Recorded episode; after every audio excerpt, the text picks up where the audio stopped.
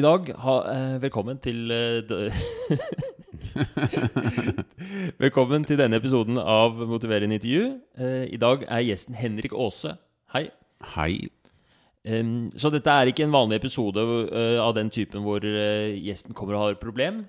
Det her er mer en sånn type metaepisode eller ekspertepisode, hvor vi har en som kan noe om, om motivasjon eller om vaneendringer eller tematikken.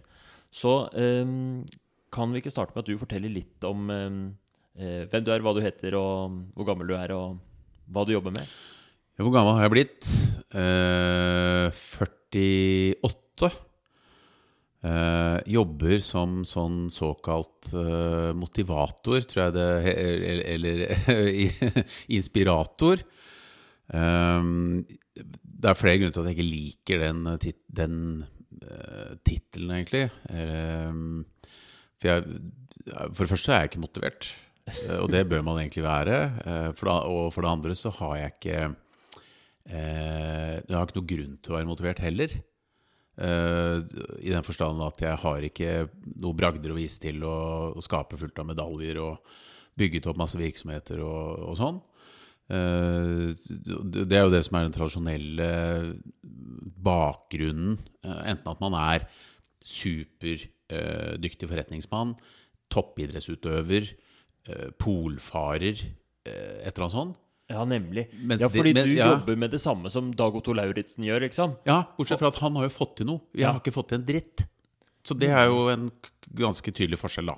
Ja. Så uh, typisk eh, Så er på, du er på en måte Typisk utypisk motivator. utypisk, Du er motivasjonsforedragsholdernes uh, sorte får. Ja, det, det, det kan godt hende.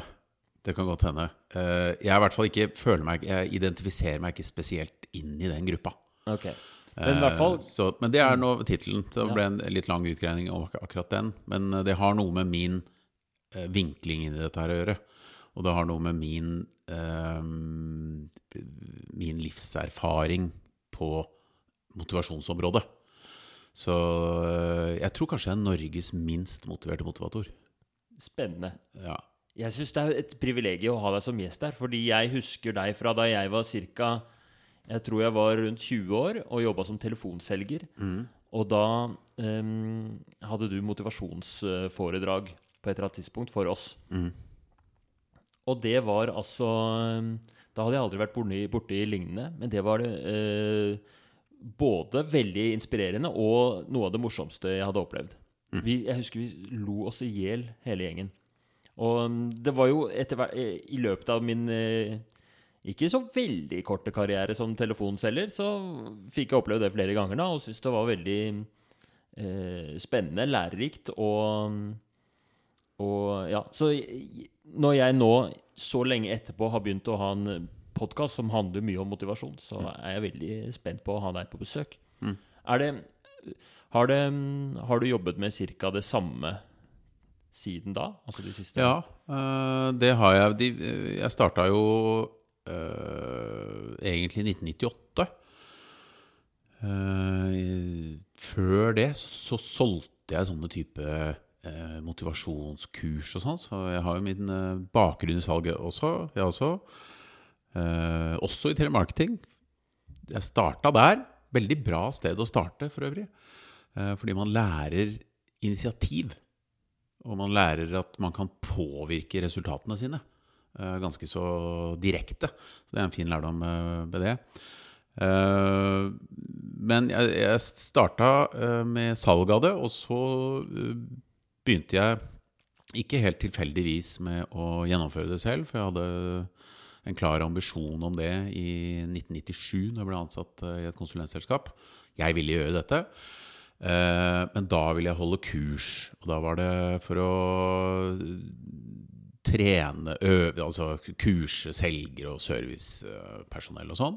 Så jobba jeg med det i, i hvert fall ti år. eh, De første Ja, og så begynte jeg i større og større grad å holde foredrag. Og fra 2009 omtrent så har jeg vel stort sett nesten bare holdt foredrag. Hatt enkelte sånne uh, utviklingsprogrammer, som vi så fint kaller det.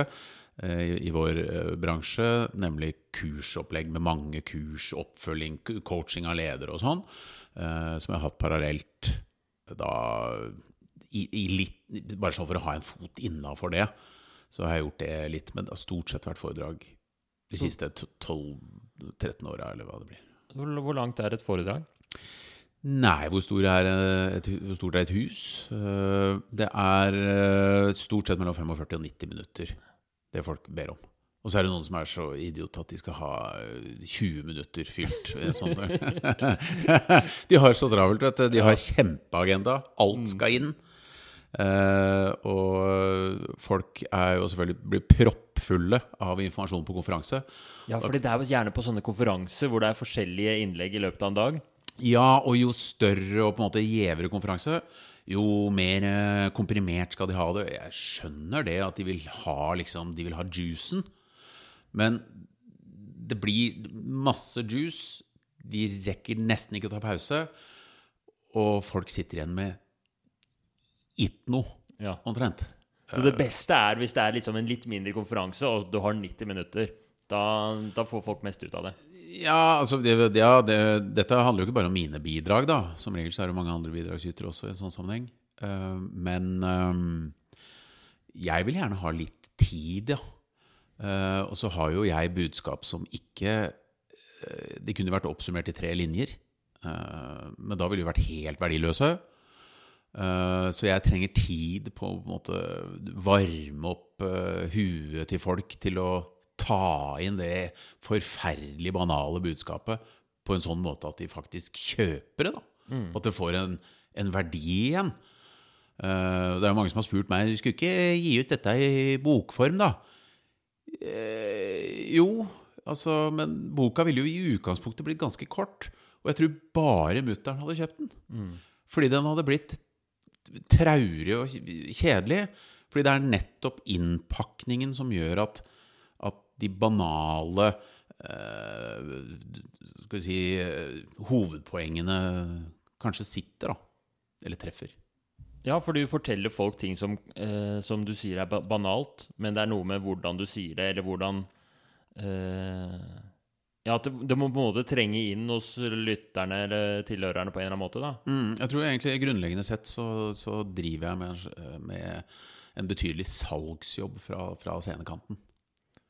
Så det er noe med å, å Du inspirerer ikke, du selger motivasjon. Ja, altså, ja, nå, nå ble jeg kanskje litt sånn prima inn i det, i og med at vi begynte å snakke om, eh, om eh, salg og, og TM og sånn. Men det er jo åpenbart i å påvirke mennesker så ligger jo en, eh, en god del salgskomponenter. Og jeg har alltid vært, vært eh, hva skal vi si eh, fascinert av det å ta et menneske som i utgangspunktet er kritisk negativt til noe, og få vedkommende og da i TM-verdenen, i løpet av fire minutter til å bli positivt tiltrukket av noe som de i utgangspunktet hadde veldig garden oppe for. Det synes jeg er, det er jo fantastisk at man kan sette sammen ord i en rekke Ja. og få et menneske til å gå fra Ja, jeg vet, jeg vet ikke, til Nei, men jeg syns det der høres veldig bra ut, jeg. Det er jo ganske fantastisk. Og det er for så vidt den samme prosessen som som jeg skal gå igjennom. Jeg kan møte et publikum som sitter med armene i- kors og lurer på hvem i helvete er han. Det her er ikke Dag Otto Lauritzen. Nei, hva har han fått til? Har jeg sett han på TV? Jeg har, ikke, ja, hvem, hvem, jeg har aldri sett den før. Han har jo ikke Han har jo ikke noe har, ikke, har han fått til noe? Og det har jeg jo ikke. Så det er jo for så vidt uh, riktig, den, den kritiske vinkelen der. Men å gå derfra til å få da eh, mennesker som heier på meg til slutt, det er jo en gøyal reise. Men det er ikke så lett å gjøre det på 20 minutter i en sånn sammenheng. Eh, så da trenger jeg litt tid. Du sier du har liksom et budskap. Er det eh, Hvor mye har det forandra seg på de Ja, 15 år, ja, ja. ganske lite. Mm. Opplever jo for så vidt jeg, i hvert fall, da. Eh, Men det, det har nok vært en sånn sakte, liten evolusjon underveis. Men eh, jeg har nok mye av samme, grunn, eh, samme grunnstammen i budskapet. Eh, Og enkelte ting er altså så prikk likt. Så har jeg selvfølgelig noen ulike grener og sånn, men jeg er nok mye mer De siste 15 årene så har jeg nok mye mer grenset meg inn til å fintune på ett godt innhold, ett godt budskap. Uh, og det har jo også samtidig blitt min uh, Hva skal vi si det, det har blitt et problem for meg fordi at jeg går lei det. Ja, du går lei det, ikke Ja, sant? Fordi ja. for, eh, for de 40 stykkene eller 500 stykkene som er i salen, så er dette helt nytt. Og så Ja. for deg så har du gjort det Hvor mange, hvor mange foredrag har du holdt? Jeg, jeg vet ikke, jeg anslår kanskje 2000-3000 ganger eller noe sånt. Ikke sant? Eh, Så, så, men, men, og, og, det, og da Men jeg kjenner jo at de, de betaler jo eh, for at jeg skal levere dette her Ja. med ordentlig engasjement, altså. ja, det hadde jo vært gøy for deg å finne på noe nytt, men hvis, de betaler jo for å få det beste, liksom. Ja, det, ja og så har det jo noe med kanskje først og fremst min redsel for å tre ut i noe som eh, For med en gang jeg beveger meg utenfor det, det som jeg vet funker, så blir det jo gjerne litt dårligere. Det liker jeg ikke. Veldig sånn kvalitets... eh, Veldig perfeksjonistisk på sånne ting. Eh, og så er det jo også jeg, jeg får stort sett henvendelser uh, inn til meg, og det er folk som i 49 av 50 tilfeller har sett meg i en eller annen setting før, og ønsker å bruke meg igjen. Og jeg vet, jeg har sett mange ganger skuffelsen i øynene på de som liksom Ja, nei, dette var veldig Veldig ålreit, altså. Så, og forrige gang, vet du, det var jo så bra. Jeg husker jo det. Og så er de på en måte Så, så, så, så ser jeg det ligger tjukt utapå de at de er litt skuffa. De syns det var greit, men, men de hadde egentlig håpa at det var sånn som sist. Og den Jeg syns den er guffen, altså. Ja. Jeg, jeg vil helst ha det motsatt vei, da. Ja. Men nå har jeg på en måte malt meg opp i et hjørne hvor jeg nå har, har uh, tuna budskapet mer og mer. Og, og så serverer jeg liksom bare topphiten. Og da er det kjedelig å dra fram den der låta som aldri ble spilt på radio. Ja. altså. Ja. Det er sikkert mange musikere og komikere og sånn som kan kjede seg igjen i Det, det er det sikkert. Så er det antagelig også mange som er mye tøffere enn meg. da, Så de drar fram det der eh, sporet som ikke har eh, truffet så godt, og kjører det allikevel. Og kanskje får det litt bedre, da. Ja. Sånn, at det, sånn at det faktisk treffer det òg. Nei, så budskapet mitt er forferdelig likt, altså. Som det var for ti år siden. Vi skal gå, eh, vi skal gå i dybden på det budskapet. Men før vi går Fordi jeg mistenker at når vi begynner på det, så, så kommer vi ikke ut av det. Uh, men, men før vi, kan vi bare sånn mm, eh, Litt for å bli enda litt mer kjent med deg da før vi begynner. Hva, hvordan er du som person, liksom? Og hvordan passer det med yrket du har valgt? Nei, det passer ganske dårlig. Jeg er vel eh, Ludvig i Flåklypa. Jeg er eh, pessimistisk. Jeg er veldig negativ. Jeg har en en, eh, en ganske sånn Hva skal vi si Passiv og reaktiv innstilling til eh, livet. Du er det motsatte av det man forventer av en motivatør, egentlig. Ja, ja, ja det, det er nok. Så det er jo mange det som tror når de ser jeg står og hopper og spretter på scenen, tenker jeg «Nei, Han du verden, han er, der er det bånn gass hver dag, tenker jeg. Not. Det er det ikke, det er ikke altså. Det er, er det- virkelig ikke. Er det på en måte Er det en eller annen styrke Jeg bare mistenker at det er en eller annen styrke i det, da. Ja, jeg har vel spilt ut den eh, Altså, for 20 år siden så var jeg vel mer en sånn Forsøkte å late som jeg egentlig var den rollen jeg var som uh, salgsinspirator den gangen.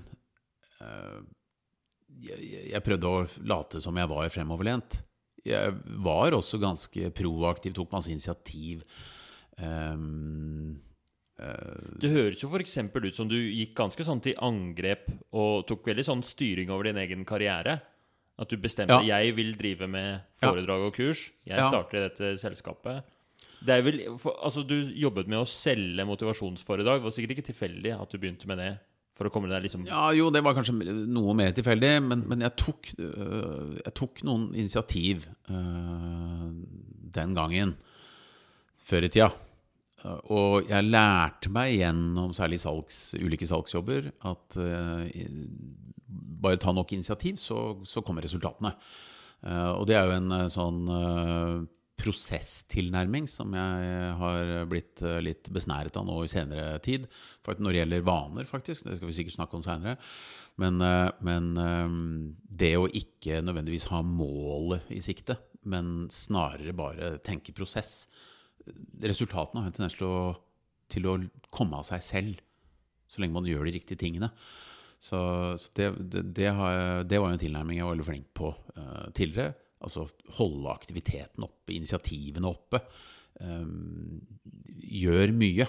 Uh, altså Kast baller opp i lufta. Mm. Da vil jo de nødvendigvis falle ned etter hvert. Uh, så, så, og det blir resultater av det, selv om du er kanskje litt dårlig til å ta imot. Ja, det der kjenner jeg meg veldig igjen i. Eller det, det der em, treffer synes jeg treffer en nerve hos meg òg. Det der med at Det er ofte som jeg tenker på hos, øh, hos mange av de pasientene som øh, ikke får til ting.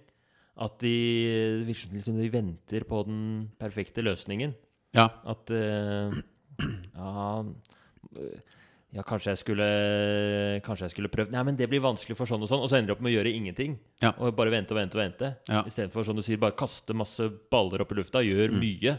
Ha mange initiativer på gang. Mm. Da må det jo liksom skje noe, i hvert fall. ja, det er vel noen som har uttalt noe i retning av at eh, det beste blir det godes fiende, eller noe i den stil. Det beste blir det gode fiende. Ja, fy søren. Klokt. Ja, øh, det er ikke jeg som har sagt det, altså, men, øh, men det er jo noe som gjerne kan føre til det nymoderne begrepet prokrastinering. Man øh, utsetter fordi man har ikke man, man, på en måte, man opplever ikke at man har alt klart. Ja. Man, det er sånn perfeksjonisme som Ja, ja ganske destruktiv perfeksjonisme. Altså man, Istedenfor å sette i gang med, med, med, med litt, uh, som man ikke har så veldig tro på, så blir det heller ingenting. Og det er jo i hvert fall status quo-fremmende. ja. For du sa du var litt perfeksjonist på, på foredragene dine. ja, ja, absolutt. Men Men er- på, på alle områder. Så jeg er jo akkurat i den kategorien. Jeg setter i gang med svært lite eh, før jeg er fryktelig sikker på at det kommer til å, å gå bra. Eh, det er en dårlig tilnærming. Veldig dårlig. Så, men men eh, nå prøver jeg ikke å få folk til å følge mitt spor, da. Det er jo ikke Nei, ikke sant? Du gjør som jeg sier, ikke som jeg Nei, jeg, jeg, jeg er ikke noen foregangsfigur. ja. Hvordan er livet ditt ellers for tiden? Hva, Nei, det er jo uh, brukbart uh, influert av eh, korona. Jeg er jo igjen litt som Ludvig i Flåklypa, da, som jeg sa i stad. Og jeg liker å stå opp seint. Jeg liker å ikke jobbe. Jeg er lat. Uh, heldigvis har jeg vært flink til å spare, så jeg har uh, spart uh, sånn at jeg har mulighet til å, til å ikke jobbe. Så får jeg jo en slant fra Nav. Um, eh, så jeg har gode dager. så du har hatt fri i halvannet år? Eh, Ja, men altså Ja, jeg har det, men, eh, men jeg opplever ikke Altså, jeg står opp om morgenen. Jeg har en guttunge på ti år. eh, Han administrerer administrerer av gårde på skolen og sånn, og det skal eh, lages eh, skolemat, og bøkene skal med, og man skal få på riktig tøy og sånn. Eh, Ikke verdens største oppgave, men jeg blir ikke liggende og dra meg til elleve. Så jeg trener mye. Jeg eh, har begynt å spille trommer, drive aktivt med hobby. Jeg har snekra en del. Jeg, jeg har, syns jeg har travle dager. Det vil si, jeg har, jeg har gode sånne Dagene går raskt. Jeg syns dette året, har, eller halvannet nå med korona, har gått fryktelig fort. Ikke vært eh, kjedelig. Eh, nesten litt sånn tilbake til eh, Er det kanskje sånn man burde hatt det? Altså? Ja.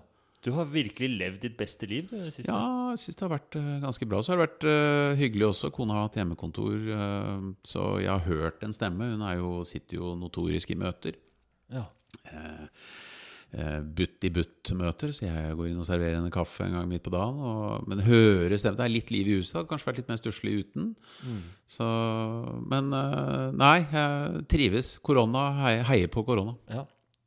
Men nå driver det og løsner, av dessverre. Eller ja, det er jo kanskje fint å komme i gang òg. Jeg vet ikke, altså. Nei. Men da blir det ja, det blir sikkert mye jobb. eh, Eller det blir tilbake Fordi før korona så var eh, hverdagen din helt annerledes. Da var det foredrag og, Ja. sånn. Da var det ganske, ganske full fart i den grad. Nå, nå, nå øh, prøver jeg å begrense litt arbeidsmengden. fordi at jeg, selv om jeg ikke liker å innrømme det, så blir jeg sliten av å, å prestere fra scenekanten. Jeg legger mye prestisje i at det skal bli vellykka. Det er min eneste markedsføringskanal også, så jeg er opptatt av at det skal være bra hver gang. Så jeg blir mer mentalt sliten, og kanskje nå med åra også, enn det jeg ble tidligere. Så jeg kan ikke eh, jobbe hver dag sånn som jeg gjorde før. Eh, holde opplegg og stå på scenen og, og sånn hver eneste dag. Det, det, det går ikke. Nei. Så jeg eh, men det, det er sånn mellom, eh, mellom null og sju ganger i uka står jeg på scenen. Ja. Og heldigvis av og til null. Ja. Eh, For de gangene hvor det er sju, og så, så, så blir jeg altså fryktelig sliten. Ja, for det er, det er sånne kraftanstrengelser av sånne timer og der hvor du Jeg har jo stått litt på scenen sjøl i forskjellige sammenhenger, og der man er jo ekstremt sånn aktivert. Ja. Følger med på hver eneste lille respons man får. Og, Ja, det er ikke noe Du, du, du kan ikke ta deg fem minutter, ikke sant? Det er, det er eh, 90 minutter på, 300 mennesker som følger med på bare deg. ja. Hvert ord er liksom ja, for det er en tanke bak hvert eneste lille sånn pause i en setning. Og, Ja, og det er jo på en måte det eneste jeg kan Hva skal vi si eh, I og med at budskapet er, er ganske likt, så det eneste jeg jobber med, det er å få det liksom veldig riktig ut. Ta akkurat de riktige pausene. Ta Formulere setningen. Dvele. eh, Stoppe opp akkurat på de riktige stedene og sånn. Eh, tonasjon og ikke sant? stemmebruk. sånn. Pirkete på sånt. Men også selvfølgelig veldig opptatt av hele tiden å vurdere hvordan er, er jeg på track, Leverer jeg noe bra? Er, heng, er de med? Er dette engasjerende? Så det er jo en fryktelig slitsom eh, øvelse kontra det å sitte og lese noe mail og strekke seg litt og gå bort til kaffeautomaten og, og gå på dass og sånn. Altså det, det, I en vanlig jobbhverdag, da. Eh, det, det blir man jo ikke Så å stå 90 minutter og prate lett fra, rett fra levra tilsynelatende, det er møkka slitsomt. Så orker ikke så mye av det. Ja. Nei, men så, du har orka 2000-3000? Ja, ja, ikke sant? Jeg er spredt utover mange år, da. Ja. Men ok, la oss komme inn på, eh, på det budskapet her. Da. For det er jo in interessant når du har jobbet med mm, å motivere eller inspirere eller endre folk i 3000 år. Eh, Nei, ikke 3000 år. ja. Mm. 3000 ganger foredrag. Altså, det er en helt eh, ekstrem erfaring. Hvordan hva, hva er det som er viktig for deg når du, når du står og møter en eller annen forsamling med, med Det er jo sikkert hvem som helst du møter, liksom. Ja, det er hvem som helst. Det er eh, viktig for meg at de At de blir positivt overraska. At de blir Sitter igjen med sånn oh, yes, wow. Eh, det er helt greit at jeg er skeptisk i starten. Det er ganske kritisk for meg hvis jeg opplever at det fortsatt er en del skepsis etter 20-25 minutter. Eh, så det er veldig viktig for meg at, det, at jeg ser at selv de som satt og gjespa litt og kanskje jeg syns det så ut som de himla litt med øynene i starten, at de sitter fremoverlent og begynner å nikke og, og, og smile, og, og ikke minst er med på latteren etter hvert.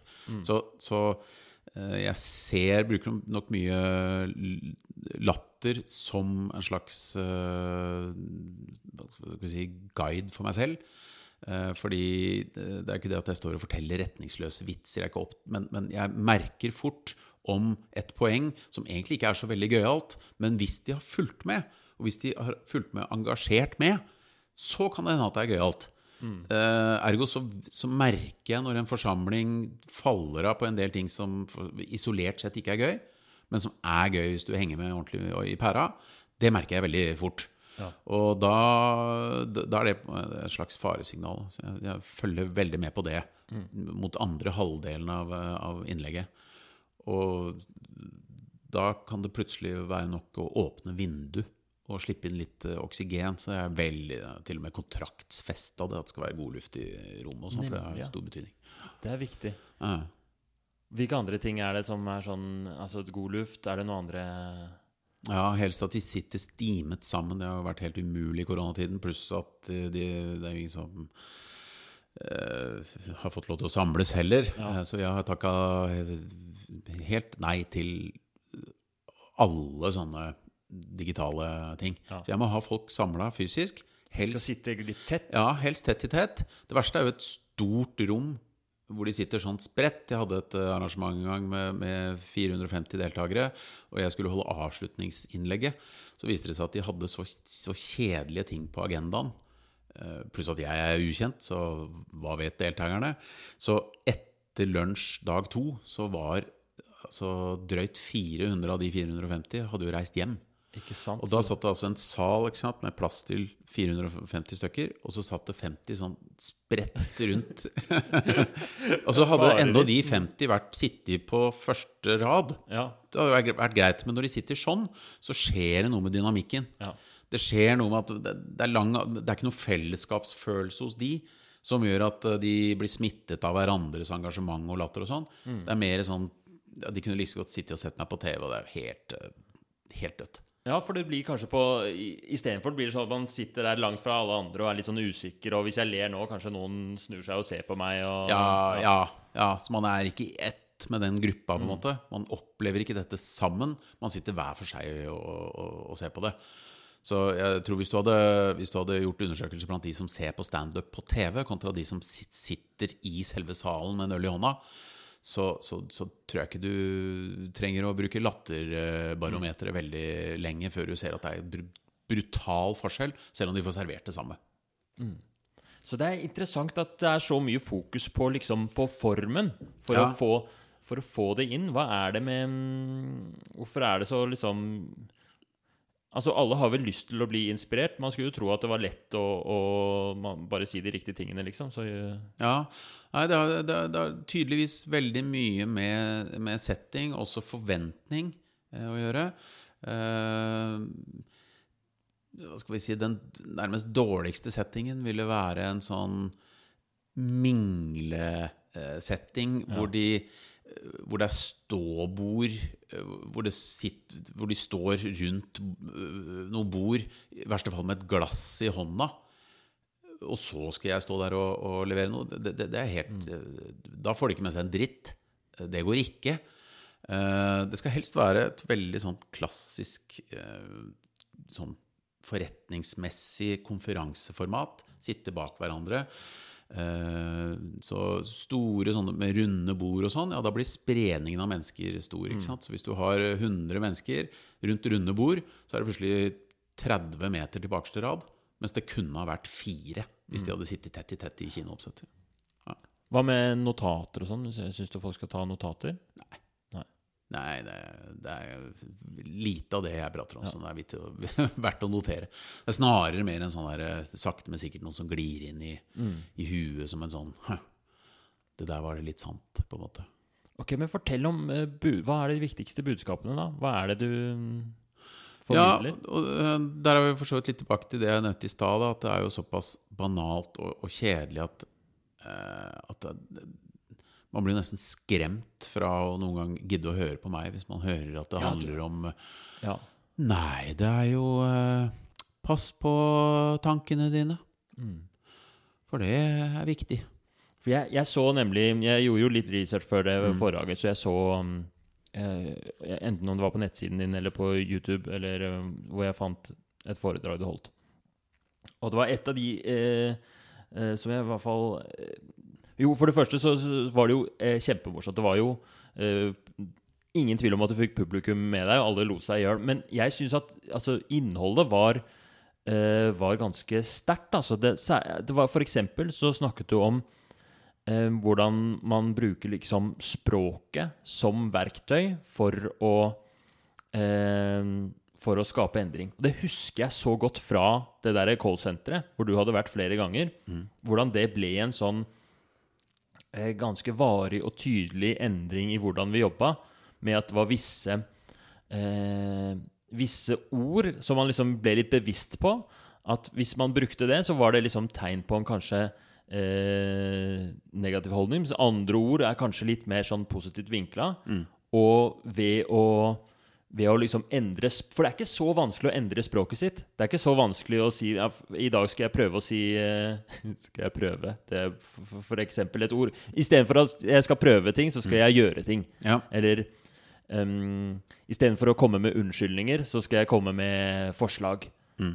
Um, så et eksempel som jeg husker veldig godt fra den tiden, var at um, det ble en sånn greie at det ikke var lov å komme med unnskyldninger. Det, var liksom, det er bare dårligere, dårlige selgere som kommer med unnskyldninger. Litt sånn Ja. eh, hardt, men, men, Ja. men, men det, det, det betydde ganske mye for meg da. Fordi det var refleksen min når, når sjefen spurte sånn, hvorfor har du ikke solgt noe nå. Var jo sånn Nei, men de er så sure i Bergen. Ja, ja, ja. Det regner sikkert. Ja. Eller eh, det er ingen som tar telefonen. Og mm, det er jo en veldig naturlig eh, ting å gjøre, men det er så utrolig lite hjelpsomt. Hvis målet mitt er å, å selge mer da, og Ja. få en god dag, ja. Så er det jo mye mer konstruktivt. Jeg sier, jeg, det er sikkert mange grunner til det, men det jeg har i hvert fall tenkt er at hvis jeg neste time prøver å ringe litt raskere, og i hvert fall skal jeg ha litt fokus på starten av samtalen, eller et eller annet, det, er, det er planen min. Mm. Hva, eh, nå babla jeg lenge, da, men er det, er det Hva syns du om det? Eller hvor, øhm, hvor viktig er den delen av budskapet ditt, det der med språket som verktøy?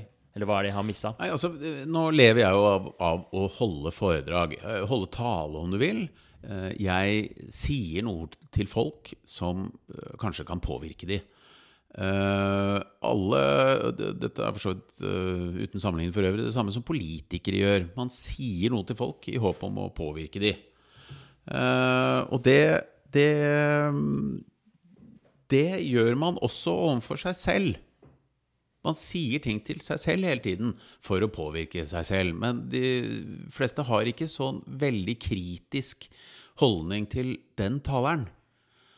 Eh, Den taleren som er oppi huet, den har ganske fritt spillerom til å holde temmelig destruktive hva skal vi si eh, nedbyggende, demotiverende innlegg, altså. Og, og problemet er jo at hjernen sitter jo og svelger alt dette rått. Tar jo til seg og, og, og tror på alt sammen. Det er for så vidt uh, like greit, det, da. Uh, hvis man tenker på alternativet, sånn sett. Men, uh, så, så en hjerne som tror på en, er jo fint. Men, men det er veldig få som har på det kritiske filteret. Sånn stopper seg. Nei, ærlig talt, hva, hva, hva, hva sa jeg til meg sjøl nå? Eh, Den, den, den må man få fra andre, nærmest. Eh, Så, så det er jo helt åpenbart at i løpet av en dag hvor du, hvor du reflekterer, du sitter og tenker, tankene spinner av gårde, og man sitter altså rett og slett som sin egen eh, trener, eh, coach, oppi huet, og rakker ned og spenner bein og legger opp den destruktive planen Ja. Uh, i veldig mange sammenhenger. Ja, det er interessant. altså Det Ja. kommer veldig tydelig fram i terapi også, syns jeg. At det er så mange pasienter som har en sånn enormt destruktiv indre dialog. ja. Uh, og ikke alle, selvfølgelig, men uh, enten om det er sånn voldsom strenghet, eller sånn voldsom Ja, sånn perfeksjonisme. Det er, ikke vits å, det er ikke vits å prøve engang, for du får det ikke til. Og, og, og mm, ja, typer dialog som er utrolig destruktive. Ja. Ja, ja, og, og, og selvstraffen er ganske, ganske tydelig og klar hos mange. ikke sant? Mislykkes man på ett lite snevert område, så, så generaliseres dette opp. Å, herregud, du er så jævla håpløs. Ja, fordi du bomma på ett snevert, bitte lite område nettopp i livet ditt? Er det fordi du ikke Fikk nei på et forslag om, eh, om å ta en kaffe, liksom, og så Ja. er det Nei, jeg er udugelig. Ja, altså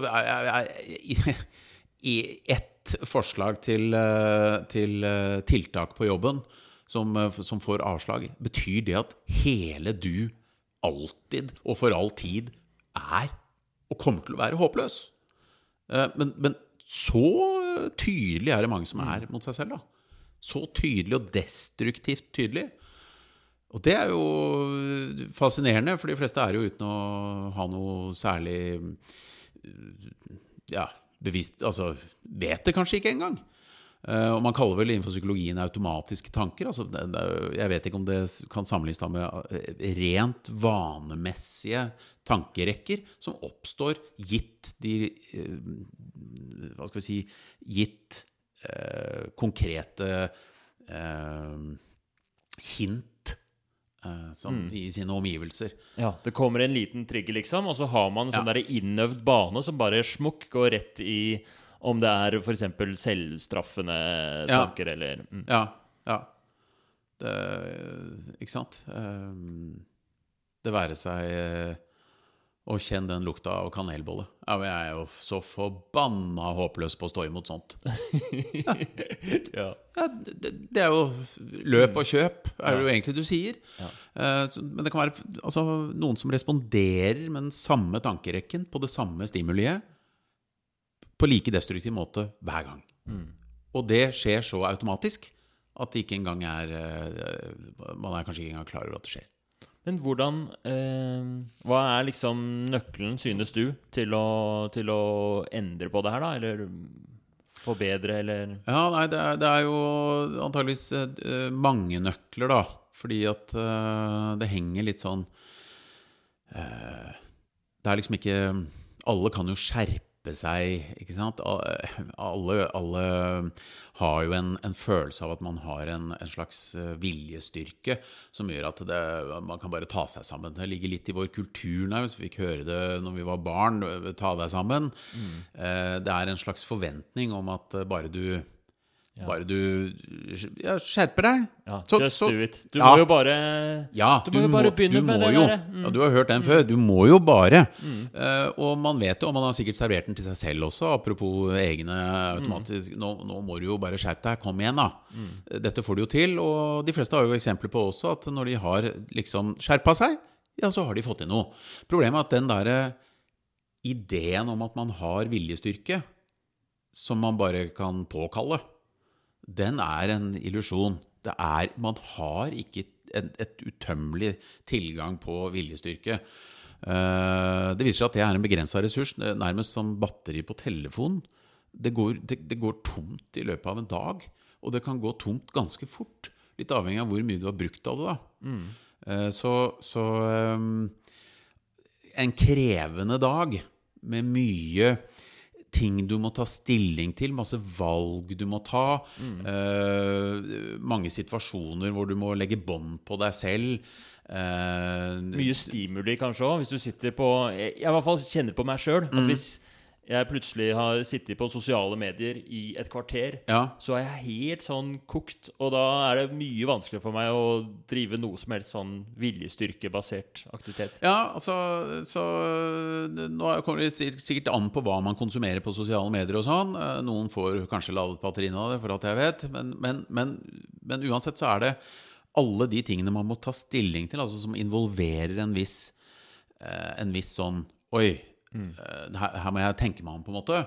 Eh, det en eh, kar som heter Daniel Kahneman snakker om som vårt nærmest system 2 oppi huet. Ja, er det 'thinking fast and slow'? ja, ikke sant? Ja, Mm. de tankene der.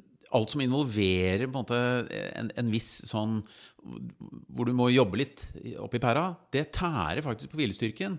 Og det skal ikke rare greiene til før viljestyrken blir svekket. Noe som gjør at du ikke blir i stand til å gjøre det du trenger etterpå.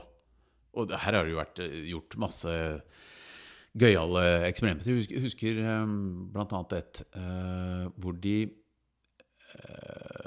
var altså en gruppe med deltakere i et forsknings, forskningseksperiment da, som ble, ble invitert inn i et rom. De ble bedt om å pugge en tallrekke på et syv- eller åtte tall, eller sifre. Mm. Helt overkommelig oppgave for de fleste av oss. Et telefonnummer, om du vil. Så ble de bedt om å gå ut i gangen, inn på et annet rom, og gjengi tallrekka der. Mm. men så hadde jo disse forskerne designa dette litt sånn elegant. Så på, på, i gangen på veien mellom rom 1 og 2 så hadde de plassert ut noe, noe um, sånn eh, Ja, det var en skål med sånn fruktmiks. Som er en sånn slags belønning belønning, men av det sunne slaget. og på fatet ved siden av sto det brownie. Det var en ganske interessant greie, fordi at det viste seg at bare, de, bare den øvelsen å måtte huske de syv tallene Gjorde at viljestyrken ble svakere, og de hadde problemer med å gjorde at de hadde å en større tendens til å gå for brownie Ja. istedenfor frukt på vei inn i det andre rommet. Nemlig så halvparten av de fikk denne øvelsen med telefonnummeret, og halvparten kom bare helt sånn eh, uthvilt.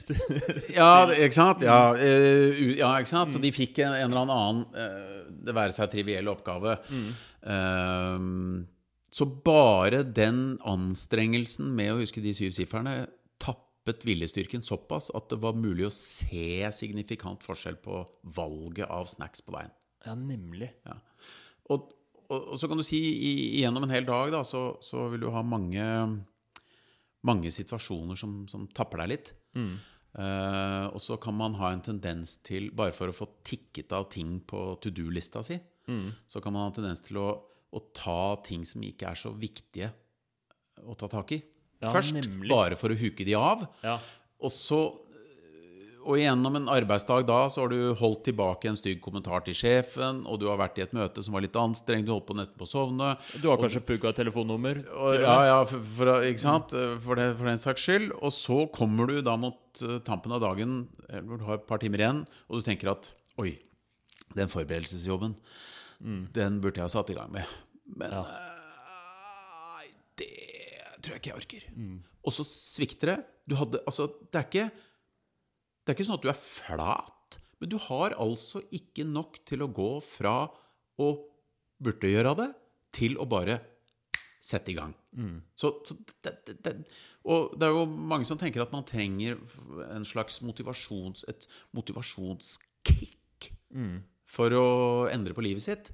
Som regel så er det jo bare summen av mange, mange små, bitte små eh, hverdagsbeslutninger. Ja, det er veldig sånne der nyansefaktorer her. Ja, så den der forskjellen mellom å på de to siste dagene, to siste timene på jobben å sette i gang med det forberedelsesarbeidet, eller å liksom gå inn på vg.no. Ja, Og eh, hvis man går rundt og tror at eh, det her skal jeg bare Jeg skal bare skjerpe meg, for fader, jeg skal gjøre, forberede meg til den, eh, og så går eh, dagen, så, så lurer man seg sjøl til å tro at man har nok viljestyrke. Men hva er eh, alternativet, liksom? Hvordan skal man få det til? Hvis man har lyst til å være en fyr som gjør det forberedelsesarbeidet. ja nei, da, da handler det om å starte med det som krever mest viljestyrke, og som kanskje er noe av det viktigste. Start med det først. Nemlig. Eh, Eller gjør det etter at du har fylt på mat. Jeg har et bedre eksempel enn det eh, i stad. Det ble gjort en gjennomgang av alle eh, sånne eh, prøveløslatelsessaker i Israel, i rettssystemet der. eh, hvor det da sitter dommere og behandler eh, er det mellom 15 og 30 saker i løpet av en dag. Spørsmålet er skal vedkommende bli sittende i buret, eller skal han prøveløslates? prøveløslates. Um, og jeg sier han, det er jo mye herrer som sitter i, i spjeldet. Og det de så, da, det var hvor stor sannsynlighet er det for at vedkommende eh, dommer, som sitter med disse tingene, sier eh, tommel opp eller tommel ned til prøveløslatelse. Og, og da på, på ulike tider av dagen. Ja. Og dramatiske resultater fra relativt sannsynlig sånn på morgenen til utpå ettermiddag. Og, og steg litt etter at de fikk seg en sånn lunsjsnack, til altså nærmest ned mot null avslag på alle sånn på, på, på tampen av dagen. Og det her er jo tilfeldig hvem som får hvilke tider, så det er ganske tydelig at eh, Ja, på en måte Ja, det handler om å ha flaks da, på, på når din sak blir behandlet. Ja. Eh, Så kan man si at dette skal jo være, dette skal jo være altså Det er dommere, profesjonelle, uhildede, som skal gjøre en, en virkelig nøktern eh, ja, og, og, eh, og helhetlig vurdering. Men det det viser seg, det er at når man ikke har mer viljestyrke igjen, når du har brukt opp tankekrafta di, så faller du ned på det som er eh, nærmest på en måte defaulten din, status quo. Og selvfølgelig så er det lettere å Nei, vi lar den sitte inne. Vi lar den bli der. Ja. Det, det, er, Du en tør lett, ikke- det er en lettere beslutning. Det er enklere å falle ned på det. Så det, det er på en måte for, forklaringen. Og det, det, de studerte altså eh, en, en stor andel av eh, alle de sakene. Jeg tror det var over 1000 saker altså i løpet av et halvår eller sånn i, i Israel. Dramatiske resultater. Kunne vært gøy å sett på en del andre områder òg. Ja, ja. Hvis du hadde spurt øh, Hvis du hadde spurt øh, han dommeren selv, så hadde jo sikkert han vært helt øh, ikke bevisst på dette. Ja, nei, det, man legger jo ikke merke det, til det. De fleste har jo en følelse av når de begynner å bli møkkaslitne på slutten av dagen. Men uh, hva slags dramatiske konsekvenser det kan få for ens evne til å uh, ta tak i, i ting. Og veldig ofte så er jo de, de gjeveste fruktene er jo noen av de som henger litt høyt. da. Noen av de tingene som faktisk gir virkelig gode resultater på sikt, er handlinger som krever litt, litt mer av deg. Eh, og derfor så har det jo en tendens til å bli sånn at man eh, utsetter selv de tingene som man vet eh, gir verdi på sikt. da. Om det handler om å slutte å røyke for å bedre helsa, eller om det handler om å begynne å vise oppmerksomhet til kona på riktig måte for å bevare ekteskapet, eller om det handler om altså Uansett hva det handler om, så, så, så vil man på en måte sogne til quick fix Ja. og gjøre det som er enklest. Altså Hjernen er innrettet sånn, egentlig. Gjør, uh, det, det enk, gjør det på enklest mulig måte. Ja, spar Automatiser kreftene. det, spar kreftene, ja. For det kan hende at eh, du må, må løpe fra en løve snart. Vi er jo eh, Hjernen vår har jo blitt utviklet gjennom tusenvis av år uh, til et liv på savannen. Og hva handlet det om der? Jo, der handler det jo om å, å eh, forsøke å spise så mye eh, frukt og bær og, og, og, og spiselige ting. Bygge opp lagrene når du har sjansen. ja, prøve det så godt du kan, og samtidig ikke bli spist. Ja. Og være klar til å handle hvis det skulle Være komme en fare, å- eller det er en gaselleflokk som plutselig Ja, ja. dukker opp. Da må vi ut og Ja. ta dem. Og, og det betyr at det, man bør automatisere den der jobben med å pelle bær, så man kan pelle det uten å Så man kan følge bare putte i, i kjeften og følge med. Og så kan man eh, gjøre sånn som røkla. Det er også veldig viktig, selvfølgelig. Eh, For hvis det, alle de andre vennene dine i stammen plutselig stikker, så er det ikke noe lurt Og sitte tenker seg tilba og, og reflektere og lure på Er ikke dette her litt vel saueflokkmentalitet. Det er jo ikke sikkert at de der eh, brune og gule stripene er en, ti en tiger. Det kan jo hende at det bare er litt tørt gress. Vi vet aldri. Eh, De ble jo spist, så de er jo ikke en del av genpoolen. Nei. Så, vi, Så de, de fins ikke lenger. Ja, så for å oppsummere litt, da, så er ehm, Hvis eh, forsamlingen du snakker om, skal, eh, du snakker til, skal få til en eller annen endring, det skal ha noe effekt av det foredraget, så må de på et eller annen, en eller annen måte eh, innse at ehm, Eller det er en veldig viktig innsikt, det der at du kan ikke stole på din egen viljestyrke nødvendigvis. Den vil variere i løpet av dagen. Og selv om du tror at du bare kan skjerpe deg, og kanskje samfunnet til og med tror at det er jo bare så lett, så må det på en måte litt sånn sterkere lut til, da. Ja, de, de fleste har i hvert fall en lang og bitter erfaring på at det, de klarer ikke å skjerpe seg.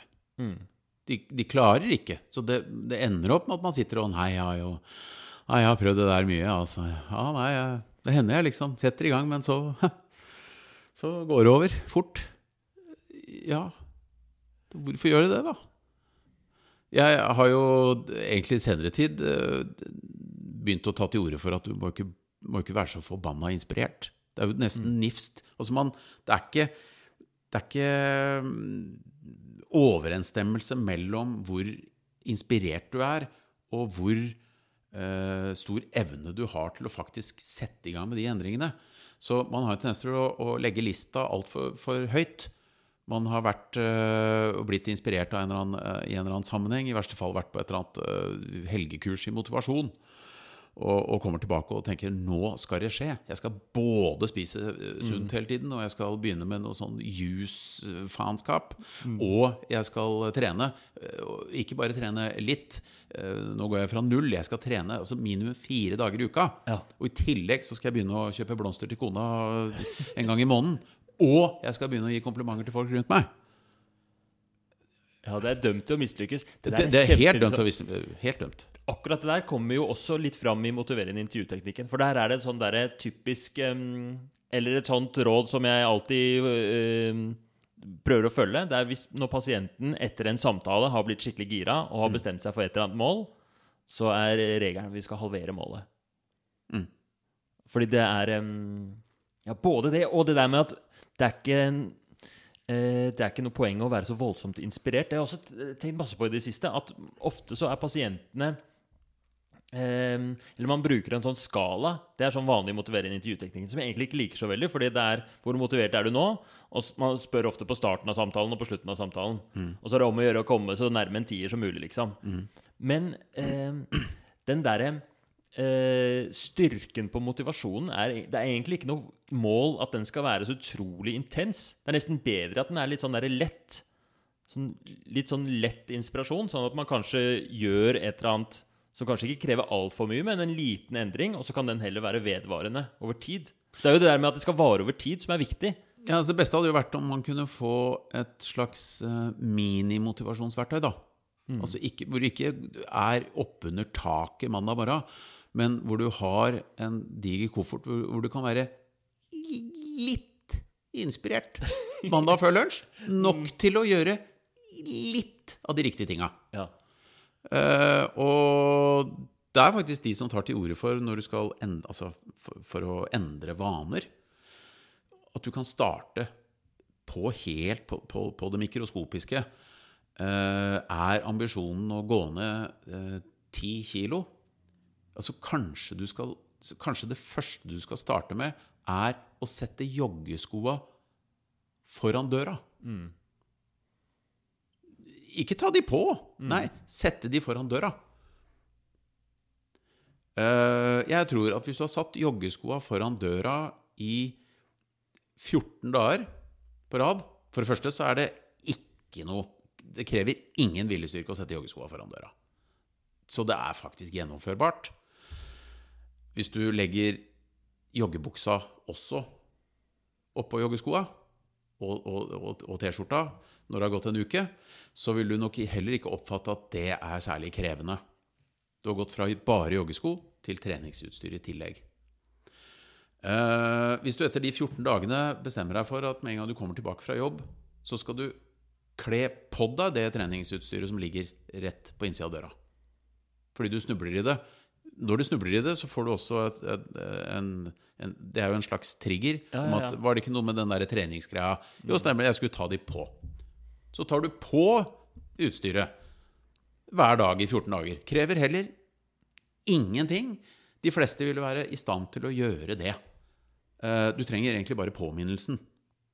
Men oppgaven i seg selv er så mikroskopisk liten at eh, det, det, det, det er ikke noe pes. Så kan det jo hende at du da etter nye 14 dager skal bestemme deg for at du skal løpe i fem minutter. Men du får ikke lov til å løpe mer enn fem minutter. Så du skal ut og løpe bare fem minutter. Det vil si to og et halvt minutt ut, og så må du snu og løpe tilbake. Det er også veldig enkelt når du etter hvert nå svipper inn i øh, joggetøyet med den største selvfølge med en gang du kommer hjem fra jobb. Fordi da har det plutselig blitt så så greit. Det er så enkle sånne småmotoriske øvelser at, du, at det er lett. Så du sitter allerede i joggetøyet. Så kan man begynne å se på hva er den derre Hva kaller man det? Dørstokk Altså hva er det som gjør at det er Oppleves som liksom sånn litt pes, da. Med hva det måtte være. Ja, Nå snakker vi om trening. Ja. Eh? Hva er det som gjør at den derre Nei, jeg orker ikke. Jo, det er mange En serie av små beslutninger. Og hvis jeg skal trene nå Å, herregud. For det første været. Og så må jeg finne Jeg vet ikke om jeg har rent treningstøy engang. Og så hva, hva skal jeg trene, da? Skal jeg begynne ut og jogge, eller skal eller skal jeg dra på Jeg har ikke tid til en time nå. Nei, det er best å bare droppe det. ja, Hvor mye rekker jeg egentlig i løpet av Altså, alt dette her er såpass uh, ads up da, til å bli en såpass slitsom greie at vi kaller det at dørstokken blir for høy og så blei det ikke noe av. Ja. Så det det handler om å gjøre, er jo selvfølgelig å automatisere. Sånn at det, det, å, det Treningstøyet det er jo ikke noe problem. Uh, været er jo heller ikke noe problem, for jeg har jo lagt fram fordi at jeg har jo lagt fram den, den treningstrøya som tåler vann. Så været er heller ikke noe problem. Jeg sitter jo faktisk i Klara, så det er for så vidt heller ikke noe problem. Så ved Så- å liksom automatisere hver enkelt ledd, liksom, Ja. og starte så enkelt som mulig, uh, sånn at uh, Sånn at liksom problemene blir borte én etter én, istedenfor å bite over hele Ja. Og fordi noe av Men jeg, jeg kan tenke meg at dette er fryktelig vanskelig å, for å bruke det ordet, selge inn.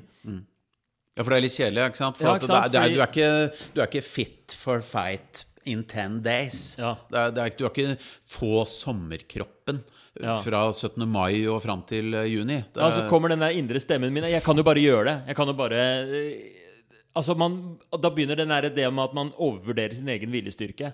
ja, eh, og, eller endringsevne. Ja. Eller vaneendringsevne.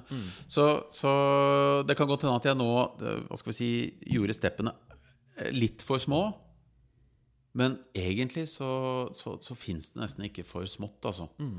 Eh, så, så, og jeg har veldig mye mer tro på å porsjonere ut det lille du har av viljestyrke, til å øve inn sånne greier. Ja. Uh, For, for, for plutselig så er du ved postkassa uten å ha tenkt deg noe særlig om. Du har på deg joggeutstyr. Det bare skjedde etter at du kom hjem fra jobben. Så når jeg først jogger to og et halvt minutt, så kan jeg for så vidt ta ti. Og så, og så er det Og så oppleves det ikke som den derre store greia. Men det er klart, hvis du er veldig sånn målorientert, og vi har jo, et samf vi har jo liksom hele eh, Man snakker om du skal ha mål, alle, og idrettsutøvere, og de skal vinne OL og, og sånn. Men altså, det er mål Det er jo ikke sikkert at mål eh, er så veldig saliggjørende. De som kom på 13.-plass i OL, de hadde akkurat like hårete mål som de som kom på første. De skulle også bli OL-vinnere. Så det er jo ikke målet som er forskjell på de som vinner og de som ikke. Mm. Altså det, de fleste gutter på ti år har også mål om å tjene 100 millioner på fotball. Så de, det er jo ikke målet det er noe feil med. Alle har jo feite mål. Det er ikke alle som har det, altså, men det er veldig mange som har det. Så det som skiller, det er jo antageligvis mer prosess, da. Hva slags type prosess man, man har. Så det er klart at eh, med en sånn sakte tilnærming, som ikke er så lett å selge, som du sier, så er det jo ikke noe spennende å følge med på vekta. da, for at Bare fordi du har tatt på deg treningstøy, gjør jo ikke at du, du blir fit. Ja. Jeg skulle ønske det var lettere å selge, altså, fordi jeg har så trua på akkurat den, der, den metodikken som du er inne på. Jeg hadde et eksempel fra Og det gir også mening eh, nevrologisk, fordi vi vet av eh, liksom Fra hvordan vi, man vet at hjernen fungerer, at de banene de liksom banesignalene tar fra et sted i hjernen til en annen eh, Hvis de aldri har blitt tatt før, hvis, det liksom, hvis eh, stien er gjengrodd, så, går det, så skal det mye mer til for å gå den veien. Men med en gang eh, altså det er, Begynte å eh, tråkke opp litt. begynt å tråkke opp litt. Det er sånn, De sier 'neurons that fire together, wire together'. Altså Med en gang man tråkker opp, så blir det mye lettere å gjøre det neste gang. da Ja. Så bare det at eh, selv om det virka helt idiotisk å ta på de joggeskoene, eh, selv om du ikke skulle ut og jogge, så øker det sjansen for at du gjør det den gangen du skal jogge, at du ikke stopper opp før. Ja. At liksom kroppen automatisk går til Altså det er, ja, det er det vi vet om vaner, at man gjør ting fordi man har gjort det før. Man trenger ikke å tenke seg om når man går til jobben, fordi beina veit hvor de skal. Jeg hadde en, uh, Bare for å ta et eksempel fra en gjest jeg hadde på podkasten tidligere. Ida, som skulle begynne å stå opp tidlig. Slutte å slumre. Hun hadde sånn enormt slumreproblem. Slumra to timer hver morgen. Det var sånn eh, eh, så på et sånn absurd nivå. Hvert femte minutt i to timer. Hver eneste morgen. Ja. Og eh, der er det jo også sånn Det er så fort gjort å tenke at ja, men jeg skal bare slutte. I morgen skal jeg stå rett opp. Og så, mm, når man er der eh, tidlig på morgenen, så er det for det første så har man jo ganske lav energi, lite viljestyrke, før man har kommet i gang. Og kroppen har lært seg at det jeg skal gjøre når jeg trykker på den alarmknappen, når jeg hører den lyden, det er min uh, cue til at jeg skal gå og legge meg igjen.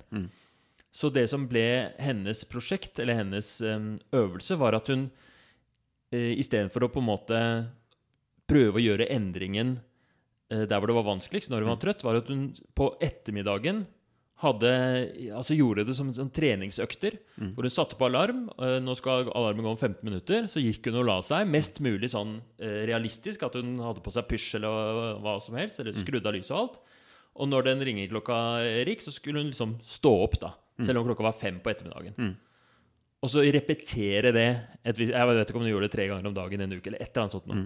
Og det hadde bare helt Det, det fiksa alt. Ja. Så den dag i dag så har hun ikke det slumreproblemet ja, lenger. Det veit jeg. Hun Ja. gifta seg faktisk. jeg tror det var for et par dager siden. Eh, Så Sannsynligvis fordi eh, Du hadde ikke blitt gift hvis hun driver og slumrer. i to timer. Nei.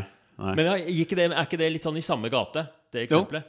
Jo, jo. og jeg har tro på nettopp de derre Altså den eh, sakte, men allikevel kraftfulle eh, på sikt-tilnærmingen. Og egentlig så er jo hele Altså alt det mennesket eh, lærer seg For jeg ble sittende og tenke Hvorfor er det lett Hvorfor er det helt uten eh, krav av viljestyrken din å kle på seg? Fordi at hvis du ber en treåring om å gjøre den samme øvelsen med en gang du kommer hjem fra barnehagen, så skal du skifte til eh, sko, du skal knytte skolisser, og du skal ja, Det hadde jo blitt, det hadde blitt dritvanskelig. Hadde jo gitt opp med en gang, selv om målsettingen var at nå skal jeg bli verdens flinkeste til å kle på meg. Det hadde man da gitt opp som treåring. Eller jeg vet ikke, ikke når man driver og lærer de tinga der. Men men det har vært slitsomt nok. ikke sant? Hva er grunnen til at vi opplever det som helt uproblematisk å kle på oss? Det- som voksne. Jo, Ja. vi har gjort det en million ganger. Og i all vaneendring så er det antallet som betyr noe, ikke hvor lang tid det har gått. Det er antall ganger du har gått opp de banene oppi hjernen som du snakker om. Det er det som betyr noe. Antall ganger du har tråkka den stien. Og det betyr at du kan kle på deg joggetøyet mens du prater i telefon, og du plutselig så er du i joggetøy. Du får ikke med deg engang. Fordi at det, det krever altså ingen tilstedeværelse omtrent. Det blir jo litt som når du kjører bil, og du kommer til, til et sted. Og, og, og noen ganger så lurer jeg på hvordan kom jeg hit? Nå har jeg hatt mitt første drypp. Jeg aner ikke hvordan jeg kom hit. Fordi jeg har kanskje sittet i telefonen eller, eller et eller annet sånt.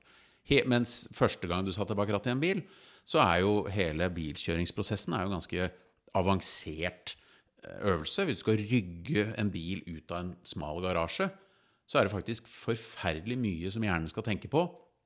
En splitter ny sjåfør skal ikke sant? Hva var det først? Ja, det var inn med tenningsnøkkelen. Nå fins det nesten ikke det lenger. Og så, og, så jeg, og så var det det der med speilene. Da må jeg jo sjekke både oppe Jeg må vurdere avstanden til ting som er bak, bak bilen. Og hvor mye plass er det egentlig på det høyre hjørnet av bilen? Da må jeg jo se det i forhold til høyre sladrespeil.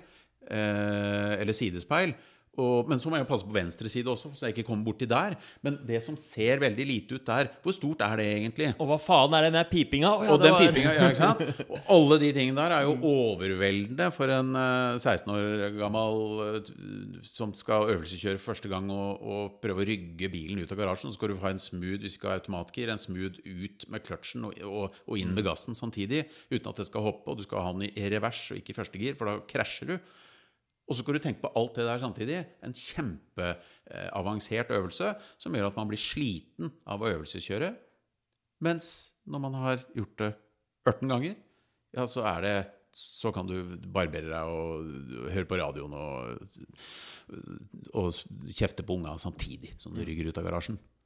Og alle ting vi har lært, alle ting menneskekroppen er i stand til å gjøre, prate, har jo gått gjennom den samme litt sakte evolusjonsprosessen for hver enkelt av oss for å komme dit vi er. Men så plutselig tror vi at fordi vi har blitt så motivert, ja, så skal vi kunne gjøre den endringen fra og med mandag. Jeg fikk nesten sånn aha-opplevelse igjen nå i løpet av det der med at fordi Det har alltid gitt mening for meg, det der med eh, sånne gradvise endringer. Men hvorfor er det vanskelig for allikevel mange av pasientene eller gjestene å gjøre det? Og at det har med den derre eh, Det har liksom ikke gått opp for meg før. At det har med den derre overvurderingen av sin egen viljestyrke. At det er så det er vanskelig å, å, å Eller det gjør at det er vanskelig å selge inn den derre eh, For jeg veit at hvis bare pasienten eh, som skulle slutte å røyke, f.eks., eller begynne å trene, gjør akkurat det der. da, Tar de små steg. Jeg, jeg, jeg, jeg skal lese én side i Slutt å røyke-boka hver dag det neste året. Det hadde jo funka. Du hadde slutta å røyke. Det er ikke noe tvil. Eller um, eh, Nå er det jo andre faktorer som spiller inn på akkurat røyking, da, men ting som man virkelig har som mål å, å, å endre på. Men det er den derre eh, man, man avfeier den eh, den lette metoden, for man tenker at ja, men jeg klarer jo uansett å gjøre det på den vanskelige måten. Bare sette i gang. Ja, fordi man har jo erfaring på at man kan jo Man klarte jo ikke røyke en hel uke sist gang man prøvde. Ja. Eller jeg klarte jo faktisk øh, Det er ikke noe problem for meg å trene. Ja, jeg har det jo vært- klarer jeg. Det kan Ja, jeg gjøre nå hvis jeg vil. Jeg var på gymmen her i fjor, Ja. og da kjørte jeg så hardt på Ja. øh, 32 timer. Ja, jeg klarer å forandre meg, jeg klarer å gjøre det ene og det andre på, på jobben. Jeg kan, jeg, øh, så man har jo erf erfaring på at man klarer ting. Ja. Ja, det er fint. Men du har ikke den samme erfaringen på at du klarer å endre Ja. ting over lang sikt. Og ikke sette meg foran øh, PC-en og spille hver gang jeg kommer hjem. Nei, eller, eller uh, klippe ned sosiale medier fra to timer til en, en halv time. Det- det- Og, men veldig mye av de tingene her er jo fordi at øh, altså, Det er på en måte for enkelt å fortsette også, da, med Hvis vi begynner å snakke om sånne uvaner. Det er for lett. Det er ikke det at det er så forbanna vanskelig å slutte å, å, å røyke eller være på sosiale medier eller binche binge TV-serier på Netflix eller Det er, ikke, jo ikke for, Eller trene, for den saks skyld. Men det er Det er, det er for lett å fortsette å sitte i sofaen. Det er for lett å fortsette De har jo gjort det for lett å fortsette også. Uh, du trenger ikke engang å trykke på at du skal ha neste episode. Ja. Den begynner av seg sjæl. Så, så, så, så, det er ikke så det er ikke så vanskelig å stoppe med sosiale medier heller. Men det er for lett å fortsette. Det er derfor det ikke går an å scrolle til bånn. Det det er så lett å fortsette. Så, så problemet er for så vidt ikke at det er vanskelig å gjøre om på det, men det er for lett å fortsette med det. Og så har du røykpakka ja. som hele tiden er tilgjengelig, og så Ja. har du alle stimuliene selvfølgelig som du har knyttet til røyken, som er litt mer avansert enn der. Men, men, eh, men det gjør at det er for lett å bli, bli i det. Ja. Nå hørte jeg også om eh, en interessant eh, altså, Du har jo det klassiske eksempelet på folk som har vært eh, på avrusning, vært på en, en eller annen institusjon langt inn i langt inn i skauen, eller på et eh, hyggelig hus langt unna miljøet sitt, hjemmet sitt. eh, alle disse triggerne for eh, misbruk. Og de har eh, kanskje gått gjennom en fæl cold turkey og, og sånn, men, men så går det kanskje for mange av dem overraskende bra. Holdt seg reine, og så kommer de tilbake igjen, og så går det rett til helvete. Og Man har jo sett det motsatte også. Eh, Det ble gjort noen studier av, eh, altså av amerikanske soldater fra Vietnamkrigen, hvor de var junkies, mange av dem, ja, i Vietnam. i Vietnam. Og så kom de dagen lang. ja, og så kom de tilbake igjen, og mange av dem ble streite.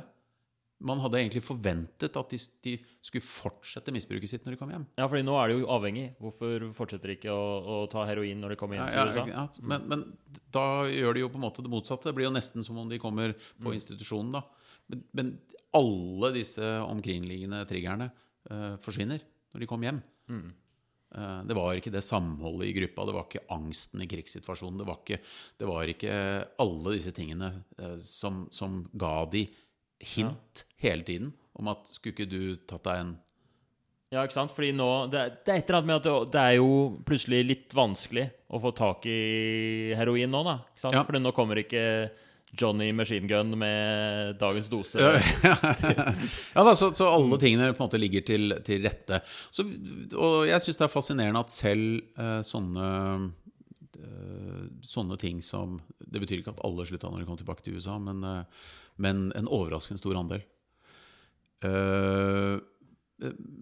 Men men det, det, det, altså det later til at uh, veldig mye av det som, som vi omgir oss med, og det som er med på å bidra til at vi automatiserer ting, det kan være med på å konservere dårlige vaner. Uh, og, og ødelegge for å lage nye. Så man kan Hva skal vi si Man må jobbe med å rote til. Eh, gjøre det enkelt å ta gode valg, og gjøre det litt mer vrient å ta dårlige valg. Har du noen eksempler eller sånn triks eh, eh, fra ditt eget liv, hvor du har eh, Ja, jeg har jo eh, vært på slankeren nå de siste 35 årene. så, og Ikke sant? eh, Evigvarende jojo-fenomen. Har hele tiden hatt et, et målfokus. Vektmål. Ja. Eh, og faktisk også med en tanke om at når jeg først når den vekta, så kan jeg på en måte gå tilbake til mitt gamle liv igjen. Ja, ja, ja. Du, Kommer, du skal ned til den vekta, fordi da kan du spise hva du vil. Ja, ikke sant? Uh, Istedenfor å droppe litt den der målsetningen om å bli slank og ha riktig vekt, til å finne ut hva slags type person vil jeg være, da? Vil jeg være en som typisk lever et brukbart, sunt liv? Uh, og da har du identitetsbildet inn der. Og så, og så er spørsmålet hvordan kan man på en måte legge til rette for, uh, for å gjøre de riktige valgene der.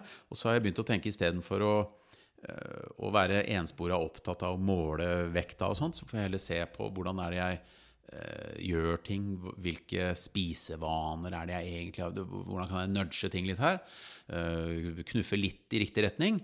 Eh, og så har jeg funnet opp en egen diett. Jeg har kalt den uh, tannbørstedietten. Ok.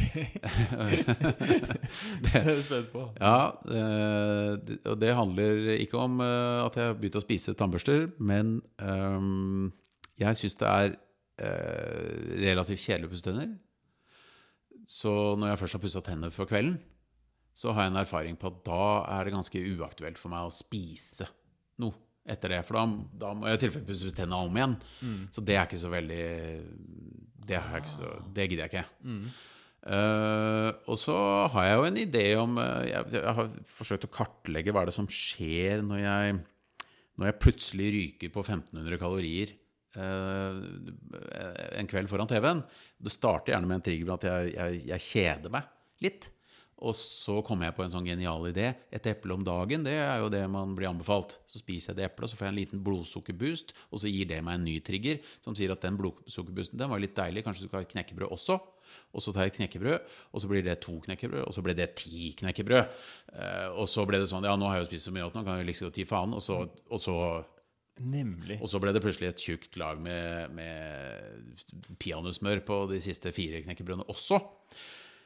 Eh, Så for, for å bryte opp der, eh, tannbørstedietten, og da er jo spørsmålet kan man koble altså, Det er noe som handler om å stable vaner oppå hverandre. Så hvis du har en vane fra før, så er det veldig mye lettere å innføre en ny vane ved å stable den oppå den gamle. F.eks. hver gang jeg, jeg pusser tennene om morgenen, så tar jeg en vitaminpille. Ja. Det er ikke så veldig vanskelig å innføre en sånn type vane, fordi Ja. at du er så vant til å pusse tenner uansett. Og så står pilleglasset der. Så, så, så da er det lett. Ikke sant? Enkleste ting man kan innføre. Så det jeg tenkte da, hver gang jeg pusser tenna på guttungen, så pusser jeg mine egne tenner. Så jeg stabla den, for det var også en vane som jeg har. Ja. Så stabla jeg min egen tannpuss oppå guttungens tannpuss.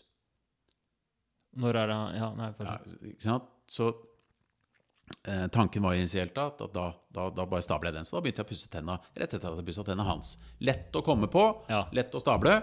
Pluss at Banalt enkel endring. Veldig enkel endring. Og så slo det meg at den der følelsen av at jeg syns det er kjempevanskelig å unngå å spise, altså sånn på kvelden Det er så vanskelig å unngå. Nei! Fra metaperspektivet så kan det virke litt vanskelig å unngå det. For at det siste halvåret så har jeg spist nesten hver kveld. Og typisk da jeg dytter innpå ting og blir fysen og sånn. Ja, det fremstår overordnet sett som vanskelig. Men når det koker ned til den enkelte beslutning den aktuelle kvelden, så er ikke det den, det suget etter å dytte i meg noe, er ikke sterkere enn at Nei, faen, jeg har jo pussa tenna, da gidder jeg ikke. Og det har blitt en, en stor erkjennelse for meg.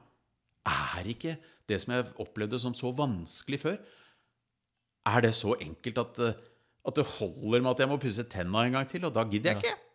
Fordi det var, det, var, det var ikke det at det var så utrolig vanskelig å stå imot, men det var så utrolig enkelt å bare starte med det eplet. Ja. Det, det var det. Og, og, eh, og min fantasi om at det var vrient å unngå kveldsspising, det var mer en betraktning av hele Ja. siste halvår hvor det har vært vanskelig. Og, og da blir det en slags selvoppfyllende eh, profeti med at ja, det, dette er jo så vrient at det er nesten ikke mulig å stå imot likevel. Men så viser det seg at isolert sett så er ikke den der, det der lille suget det er ikke verre enn at eh, Noen bruker jo andre strategier òg. Jeg kjenner at jeg eh, er litt sulten, jeg kjenner at jeg har lyst på en røyk, men jeg, jeg venter fem minutter. Og så, før du vet ordet av, så har det gått en time. Og så kan du fortsatt gjøre samme øvelsen igjen.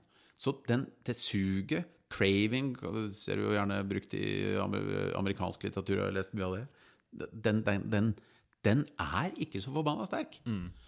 Eh, Det kan vel late til at til og med de som har eh, avhengighet av sterkere stoff, i hvert fall når de første fysiske abstinensene har lagt seg, trenger heller ikke å være sterkere enn at de faktisk får til å, å, å slutte. Selv om de antakeligvis er sterkere da der enn eh, på mange andre områder. Men det kreves ikke noen sånn OL-medalje i viljestyrke for å klare å klippe en sånn, en sånn craving heller. Nei, det er, det er jo nøyaktig min erfaring fra de pasientene Jeg har, har jo nylig hatt masse pasienter som har uh, drevet fryktelig mye med amfetamin. Mm. Og, mm, og eh, særlig han ene, da, er jo veldig lite interessert i å drive med amfetamin, egentlig. Men han, han eh, bor i det huset hvor alle de andre amfetaminfolka bor, og han har pleid å deale og har masse connections, og på mobilen hans så kommer det hele tiden tilbud om amfetamin inn. Men i det sekundet han havna på et sånt eh, opphold på en eh, institusjon som var utafor byen, så, så snakka han aldri om at å, det er så vanskelig, det er så mye abstinenser. Det var ikke noe problem. Da var det bare sånn Nå er jeg på institusjonen, helt konge. Det, og så satte han seg nye drithøye mål, da. Mm. jeg tror nok eh, Ja, for det var, det var også noe som var typisk med han, var at han hadde så Med en gang han fikk litt blod på tann, eller ting gikk litt bra, så fikk han så enorme Det var ikke bare at han skulle liksom prøve å holde seg unna amfetamin et par uker, men nå, er, ja, nå skal jeg starte sånn eh, webfirma. jeg skal få investeringer, og vi skal bli milliardærer, liksom. Ja, ja. Så, mm, så jeg halverte det, og så sa han halv milliard. Det må Det går vi på. Ja. Men um, Hadde litt hang til eh, store, eh, gromme tiltak. Ja, men det at det kanskje hans eh, på en måte selvtillit eller, eller indre dialog som hele tiden er sånn jeg, Kanskje han har erfaring med det også, at han har i perioder god viljestyrke. Det har han jo. Gjør at det blir så vanskelig for han å gjøre endringer. For han klarer ikke å liksom selge til seg sjæl at ok, men jeg skal prøve litt av gangen. Mm. Bli utålmodig, på en måte. Ja. Det er ingen ukeblader heller som kjøper den historien altså, og prøver å selge den eh, ut. Ja. Du får ikke solgt denne tannbørstedietten. Nei, eh, nei jeg, jeg, jeg, tror, jeg, tror ikke det. Men, eh, men eh, jeg er ikke så opptatt av det heller. Det, den funker veldig overraskende bra for min del. Ja. Nei, jeg har samme Jeg har en sånn liten regel om at jeg skal ikke sitte på mobilen i sofaen. Mm. Så, og da skjer det stadig vekk at At jeg har lyst til å sitte på mobilen, og jeg har lyst til å ligge i sofaen. Mm. Så må jeg enten velge. Og da blir det ofte til at jeg enten legger fra meg mobilen og ligger litt på sofaen, og så er jeg lei av det etter fem minutter. Fordi problemet mitt er jo at hvis jeg først setter i gang, setter meg eh, med mobilen i sofaen, så plutselig så går det fire timer, Ja, ja. og så er jeg helt utslitt og deprimert. Mm. Mens eh, på grunn av den lille regelen der, så altså, kanskje jeg sitter i en stol da, og på mobilen så blir jeg litt sånn ukomfortabel, og så er jeg ferdig på et kvarter. Ja, ja. Og så er det, For det er ikke så vanskelig å, å legge vekk mobilen, men det er bare det er så fryktelig lett å holde på fem minutter til. ja. Så, så det, har i hvert fall vært en erkjennelse for min del. At det er ikke altså Man må se hvor, hvor er, hva er egentlig problemet. Så Mm. den, den der ideen om at det er så vanskelig Mm. å, å endre på en dårlig vane, det er antageligvis i stor grad en slags illusjon. Mm. Men den har, fått, den har fått mange bekreftelser, da. Ja. Den har blitt selvoppfyllende, på en måte. Eh, Det, det, det, det har vist at det, det er vanskelig. Men når det kommer til stykket, så er det jo bare strategien du har valgt, som har vært for dårlig. Ja. Så hvis du velger riktig strategi, så later det til at, at eh, ganske mye er relativt lett. Men det henger jo også sammen med det at du sier at du har, har jo hatt For at du skulle klare å komme på den riktige strategien, så krevde du at du skjønte ganske mye om hva som skjedde i deg selv eh, på de kveldene. da Ja. Basert på kvelder, mange års med sånne kalorikvelder. Ja. Eh, det er i hvert fall den samme erfaringen jeg har med de mm, Jeg hadde en, nylig en gjest som eh, Som hadde som eh, stort mål å komme på podkasten fordi hun ønska å, å tegne litt mer. Mm. Hun hadde ikke tegna på 15 år, men det var hennes store lidenskap Mm. i, i ungdomstida. Mm. Og så slutta hun med det, og så er det noe hun tenker på hele tiden. At jeg kommer, hvis jeg dør, så kommer jeg til å angre på at jeg ikke har tegna mer. For det er min lidenskap. Mm. Men av en eller annen grunn så klarte hun ikke det. Mm. Og helt sikkert så går det igjen i hodet. Du må jo bare komme i gang, bare skjerp deg, bare gjør det. Mm. Men når vi diskuterte og hadde lang samtale, så kom det jo fram til at um, det er masse greier med den tegningen når hun setter seg ned og tegner, som, er, som setter i gang sånn ubehagelige tanker og selvsnakk. Og ah, 'det er ikke fint nok', og 'du er jo så flink, talentfull tegner', du kan jo ikke eh, Altså, for henne som har liksom tegning som en identitet, identitet Hun har hele oppveksten fått ros for at hun er så flink til å tegne. Mm. Så er det å bare tegne litt er litt sånn vanskelig, Fordi da er det liksom ikke bra nok. Ja. så ved å Ja. dykke i det, så kom hun liksom fram til at å shit, det er jo ikke så rart at jeg ikke tegner.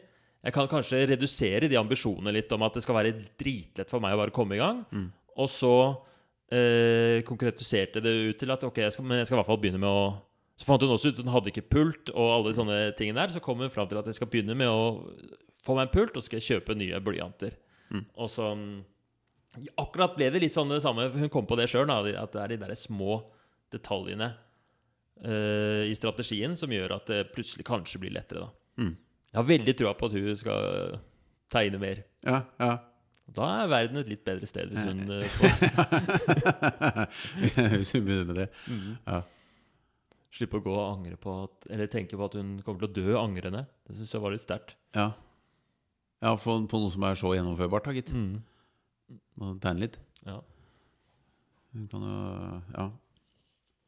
Men jeg, det er også en sånn mm, ting som jeg har lært å motivere i en intervju, er den derre eh, Det er interessert i hva du tenker om, fordi jeg tror det ikke bare er den indre dialogen som ofte blir destruktiv, men jeg tror det ofte er hvordan vi snakker med hverandre. Mm. Uh, uh, at vi har en sånn derre fordi når jeg snakka med hun som ville tegne, så var jo, fikk jeg også en sånn kraftig refleks og bare si ja, men du må jo bare gjøre det. Mm. Kan vi ikke bare Se her, tegne her litt nå, da. Mm. Um, og på en måte hoppe over masse steg. Ja. Uh, har du noen tanker om det? Om at hvordan man liksom Hvordan man snakker med hverandre? Hvordan det kan være enten konstruktivt eller destruktivt for å hjelpe hverandre, inspirere hverandre, eller Ja, jeg tror du for så vidt var innom eh, eh, noe av det aller viktigste med det. Det er vår iver etter å gi de gode rådene. Mm. Eh, vi har fortsatt, eh, som vi var innom i stad, en hang til quick fix. Og vi ønsker at ting skal eh, fikses kvikk for eh, folk rundt oss også. Så, så det er veldig lett å bare koble seg på og, og, og si 'kan du ikke bare gjøre'? Og så bruker man seg selv og sine egne erfaringer som, som eksempel. Snarere enn å forsøke å dypdykke i hva er bakgrunnen for den, den atferden i utgangspunktet. Prøve å forstå den. Uh, Finne ut hva er, liksom, hva er triggerpunktene, hvor er det det begynner hen? Hva er det unnenforliggende her, liksom? Eh, Eller un underliggende, heter det vel. Eh, og, men, men det er jo en mer sånn Det er en mer eh, tung eh, eh, prosess, ikke sant? Mm. Men så kan det godt hende også at alle de der eh, formanende rådene som man har fått opp igjennom, hvis du har et, et lite problem, da. Og så er det så mange, både foreldrene dine har sagt ja, men du kan jo bare gjøre ditt, og du kan jo bare da, gjøre datt. Og hvorfor tester du ikke ut det? Det var det en som gjorde, og f- fikk veldig bra resultater. Og, og Kari Jakkesson har jo gjort det. ja da, og ja, ikke minst hun. Herlig. Eh, og, og kanskje vi gjennom uh, livet da har erfart at vi har fått veldig mange gode råd, og det er veldig mye sånn, eh, sånn. Og så sitter vi fortsatt i drittsituasjonen. Så det blir et slags, et slags bevis Mm. for at jeg ikke kommer til å lykkes med det. Ja. Og ergo så kommer det nesten opp en automatisk greie når det kommer et råd. Sånn Ja da, ja, greit. Jeg har hørt det rådet. Jeg, har, jeg har til og med prøvd det. Det er helt sjukt hvordan altså, Jeg syns det er så rart at um, vi mennesker er skapt sånn at når to stykker samles og for å løse et problem, så vil den ene gjøre en helt eh, Vil begynne å gi råd som, vi, som ikke funker. Og den som mottar rådet, vil skru helt av. Og ikke En ting hadde Hvis man som menneske var sånn som tok til seg råd, men av en eller annen grunn så gjør man ikke det heller. Nei, man gjør ikke det. Man kan eh, nikke gjenkjennende og sånn, og litt sånn overbeiende. Ja, det er artig at du også har oppdaget det der. Jeg, innså jeg det rådet der, eh, lærte jeg meg for, for mange år siden. Eh, artig at du nå har fått det med deg. liksom, det, det, det, den, det er nesten den tanken som kan melde seg hos noen. Uh, men der er du egentlig innom det vi vel uh, var, var inne på ganske tidlig i samtalen her. Nemlig hvordan jeg skal nå fram til noen med budskapet mitt, og hvordan jeg um, det, er jo, det er jo nettopp derfor jeg må ha tid eh, for å snakke, altså, snakke med folk, reflektere litt uh, bak her. Sånn at når jeg kommer med min banale konklusjon eh, Pass på hva du sier til deg sjøl, for det er nemlig sånn at det er en som sitter og følger med og, og tro på deg. Den banale konklusjonen som mange ville ha ristet av seg Ja, ja, nei, det er veldig riktig, det der, altså. Men det Nei, jeg har tenkt på det i mange år, ja, altså, hvordan jeg snakker til meg sjøl og sånn. Altså, men det, det, det liksom funker ikke. Ikke sant? Istedenfor at det bare blir ristet av på den måten der, så er det mer sånn Faen, du har et poeng, altså. Jeg må faktisk passe på hva jeg sier til meg sjøl. Jeg veit jo, jeg har alltid visst det, men nå veit jeg det ordentlig. Og det er den jeg er ute etter. Å få For det er utrolig mange løsninger på alle verdens av menneskelige problemer som fins der ute. Så, så benchmark Det, det fins. Det er bare å du, du kan løse alt du sliter med. Det er noen som har løst det før deg. Det fins titusenvis av strategier. Det fins. Men vi stritter imot det. Eh, fordi vi har en illusjon om at det funker ikke. Fordi at jeg veit det jo, og her står jeg fortsatt. Ja. Så hva er, det et, hva er det et bevis på? Jo, at det ikke funker. Det er liksom ikke, det er ikke kunnskapen som er mangelvaren. Det er ikke Nei. tilgang til de gode ideene og strategiene. Nei. Det er et eller annet, som- altså et eller annet som må skje. Som da skjer da i de, den, de 90 minuttene. Ja, da skal ikke jeg påberope meg at folk blir revolusjonert i løpet av eh, 90 minutter. Men noen få av og til får jeg jo tilbakemeldinger på, som kanskje kontakter meg etter uh, tre år, og som sier at det, det, det faktisk skjedde noe. Ja, altså jeg kontakter deg nå etter eh, eh, 14 år. Ja. Og, og eh, det der med Altså, jeg tror ikke jeg sa en unnskyldning jeg, i mange år etterpå. Nei. Og det virkelig Det gikk nesten litt langt, da, hvor jeg, jeg tror på en måte så kan det hende at uh, Man kan jo gå for langt i å altså, Det er jo en slags strenghet, det òg, da. Mm. Uh, men det var i hvert fall eh, Jeg tror jeg ble veldig mye bedre på, til å selge, og jeg har tatt med meg det der, eh, det der med at um, Akkurat som du sa, da, det å lære seg initiativ og lære seg å, litt om hvordan språket du bruker. Både fordi det er ikke så lett å påvirke språket inni hodet, for det vil være ganske automatisk, men hvis du tar det med deg ut i samtale med andre, så vil jo det skape liksom eh, maler for eh, litt hvordan det går inn nå. Du har jo, jeg har jo venner som bare klager hele tiden. Og da vil de jo også begynne å klage inn i huet sitt òg. Mm. Ja, det, det smitter, smitter fort. ja. Så er det deilig å klage litt. Da. Det er jo- deilig å klage. Man må verdi, det er jo verdi å sutre litt òg. Absolutt. Ja. høy verdi. Jeg har får masse glede av det. Ja. jeg klager mye. ja, men det er bra. Det er bra. Hva er det som er god klaging og dårlig klaging, da? Det skjønner jeg ikke helt. Nei, er det noen forskjell på det, da? Jeg har på følelsen av at det er et eller annet destruktivt på, med å klage på noen måter, men det er eh, Men det er, ikke en, det er en tanke som ikke er ferdig eh. Nei, Man kunne jo se for seg at øh, hvis man virkelig klagde på riktig måte, at det kunne utløse en slags handlekraft. da. Ja.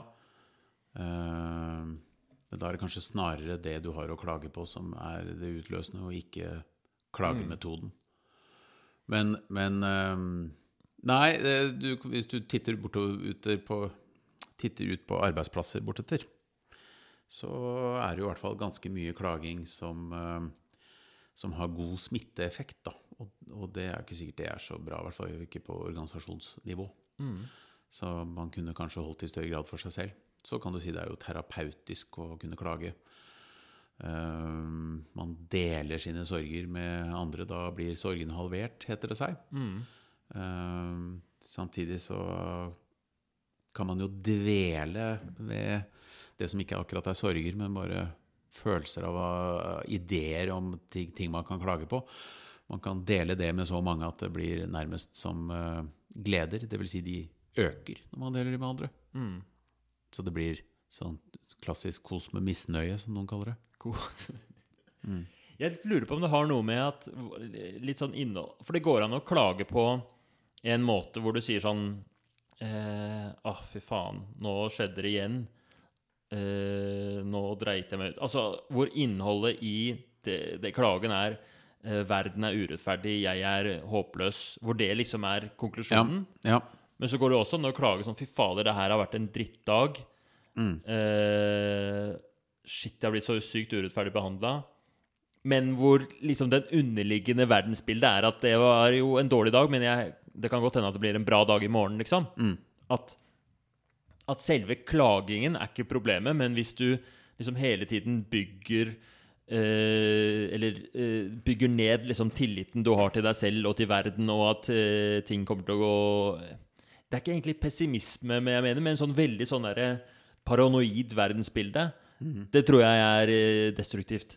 Mm. Og det tror jeg mange liksom driver og spinner Jeg hører så ofte 'Å, jeg mista trua på menneskeheten'. Altså Som liksom skaper sånn derre eh, Sånn derre eh, liv hvor alt er bare dritt. Istedenfor å man, man kan jo helt fint Jeg tror det er sunt å klage for å ikke bli sånn derre eh, Sånn 'Å ja, alt går bra med meg', også. Overpositiv? Ja. ja, men at eh, Passe litt på at ikke man liksom bryter ned sitt hele sitt verdensbilde til å bli sånn derre superkjipt verdensbilde, liksom. Så det ikke er gøy å stå på om morgenen. Ja. ja. Nei, det er vel eh, kanskje et, en, en viktig komponent i depresjon. At man klarer å forklare situasjonen sin så altomgripende elendig at den eh, blir eh, for tung å bære. Mm. Eh, men det er jo, det, det er jo mange eh, si det, det er litt sånn forskjell på mindsettet til folk. Jeg har en eh, kompis som som ringte til en annen kompis av meg, som heter Jens. Han er litt gøyal. Uh, Richard het han som ringte og hadde litt dårlig tid, litt dårlig periode på jobben og kanskje med kona, for alt jeg vet. Så han ringte og sa Jens, fy faen, nå er det Nei, nå er det kjipt. Nå er det tøft på både det og det og det. Og da var svaret til Jens, det var Fy faen, så heldig du er! Du med dine ressurser og mentale strategier. Nå har du den muligheten til å bevise for deg sjøl hvilken kraft du har i huet. Fy faen, så heldig!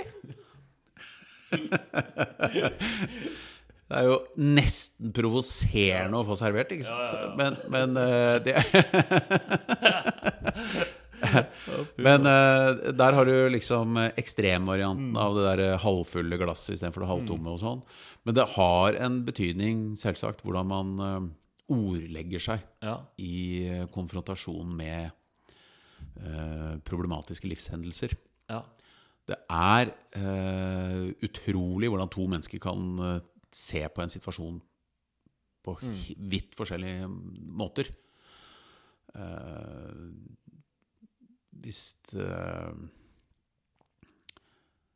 hvis du og en person som sitter lam fra livet og ned, hadde våkna opp i morgen hvor uh, du hadde fått føleligheten bare i ett bein, Mm. Og den andre hadde fått førligheten bare i ett bein, Ja. så hadde jo det representert en fantastisk mulighet for den andre, og en opplevelse av et enormt handikap for deg. Selv om dere da hadde vært i eksakt samme situasjon. Mm. Så man har, avhengig av hvilken hva, hva slags utgangspunkt man har, så, og, og hva slags verdensanskuelse man har, så vil man kunne oppleve det å bare ha ett fungerende bein, eh, som jo bare er et bilde på det, dramatisk forskjellig. Man kan oppleve det å havne i en skilsmisse som dramatisk forskjellig fra noen andre som har opplevd nesten samme type skilsmisse. Nå finnes det sikkert ikke to like skilsmisser. Eh, eller noen som har mista jobben, eller noen som har eh, opplevd et eller annet annet. Eller syns de strever med noe. Eh, så det er jo veldig interessant hvordan hva slags metode bruker de som har en mer eh, optimistisk eh, tilnærming, da. Ja, det er et eller annet med liksom for, ja, Fordi man blir, så man blir så opptatt i de der omstendighetene og at man blir så opptatt av at en skal ha liksom, progresjon i alt det Men, men eh, nå, nå er vi jo inne på sånn derre Det er jo et eget kjempetema, da, men og, og, og, eh, og, det er litt interessant at motivasjonsforedragsholderen snakker om takknemlighet, liksom. At det er Men eh, på en måte som man kan tenke seg, det er jo litt sånn det motsatte av inspirasjon, da. Eller motivasjon. At med motivasjon så skal man jo ønske seg noe som man ikke har. Mens takknemlighet er å sette pris på er det man har. ja. Mm. Men jeg tror ehm, er, det, er det sånn at hvis man Fordi det er jo, syns jeg er fort gjort å tenke, da. Hvis man er veldig takknemlig med det man har, blir man ikke da mindre motivert? Eh, Jo, det kan hende at man eh, blir på noen områder, så er jo spørsmålet om motivasjon i seg selv er noen sånn særlig målsetning, da. Jeg tror ikke det å være motivert nødvendigvis eh, representerer en, eh, en, en nødvendig komponent i folks lykkelige liv. Jeg tror man kan eh, ha det veldig bra uten å kjenne på en enorm motivasjon for noe. Så lenge man er på en slags ok reise. Så nå kan det godt hende at man etter hvert som man blir eldre, at man trenger mindre og mindre av motivasjon, for man har ikke de der den, den, den, den, kikkerten fram der mot, mot de store, lange linjene som man skal oppnå. Man er jo egentlig på vei til grava. Så bør du ikke bli for motivert for å havne der. Å komme, komme dit noe særlig fortere er liksom ikke noe vits i. Ja, jeg tror på Jeg, jeg, jeg egentlig syns det gir veldig mening. Det er jo ganske gøy da at motiverende intervju-fyren og motivasjonsforedragsholderen konkluderer med at motivasjonen ja, er ikke egentlig noe ikke noe å trakte etter. Finn noe annet. Men jeg tror i hvert fall den derre den der veldig sterke motivasjonen, desperasjonen, den derre mm, som man ser for seg at eh, man skal få, enten av et motiverende intervju eller av et foredrag, er liksom ikke helt det det handler om. Jeg har vært så irritert på det navnet motiverende intervju mange ganger òg, at, at det skaper feil forventninger. At um, den, den følelsen man er ute etter, er jo mer at han er litt sånn synes jeg, Ja, en slag, Det er veldig fint hvis pasienten sitter igjen med en litt sånn derre ro, litt uh, takknemlighet. Litt sånn der, ja, ja, det er kanskje ikke så Litt sånn real, realistisk eh, forventning. Ja, dette er kanskje litt sånn vanskelig, kanskje det ikke er så lett for Men, og, og den der, men jeg er veldig glad hvis de får den der lille følelsen, en sånn liten kime av inspirasjon da, til at de har lyst til å gjøre en liten endring. Men som ikke nødvendigvis er det samme som sånn der, ah, panikkmotivasjon. Nei. Nei. Og jeg er veldig glad i å ha den selv òg. Den derre litt sånn eh, En sånn, sånn liten sånn kreativ gnist, liksom. Som eh, Ja. av og til kommer. Ja, og det viser seg vel at uh, Jeg tror lykkeforskningen er ganske, ganske tydelig på at det å, det å ha noen slags konstruktive mål her i livet, eh, uten at det trenger å være noen store, hårete noen, men det å, å ha noe å jobbe litt imot, det, det gir folk eh, glede. Det gir folk eh, tilfredshet og lykkefølelse, da, nå enn man legger i det. Så, så er, og, og, og da vil man kanskje tidvis kunne trenge litt motivasjon for det. Men, men som regel så er jo motivasjon det er jo bare et slags verktøy, ikke noe mål i seg selv, sånn som jeg ser det, men et slags verktøy for å ta de skrittene man ønsker, eller få til de tingene man har lyst til, eller lære seg det nye språket, eller eh, oppføre seg litt bedre, eller hva det måtte være. Bli slank og pen. Mm. Med tannbørstedietten. Tusen hjertelig takk for at du har uh, tatt deg tid. Det her ble litt lengre samtale enn uh, jeg hadde forventa, men jeg ble så revet med. Uh, men helt fantastisk. Jeg tror de som hører på denne episoden, tror jeg får masse ut av det. Ja, takk, takk for det. Hyggelig å ha vært med her også. Så fint med interesserte spørsmål rundt disse temaene, for det er jeg veldig opptatt av. Ja. Um, nå har jo du sagt til meg at 99,9% av de som eh, bestiller foredrag av deg, eh, kommer av de som har hørt deg før. Mm.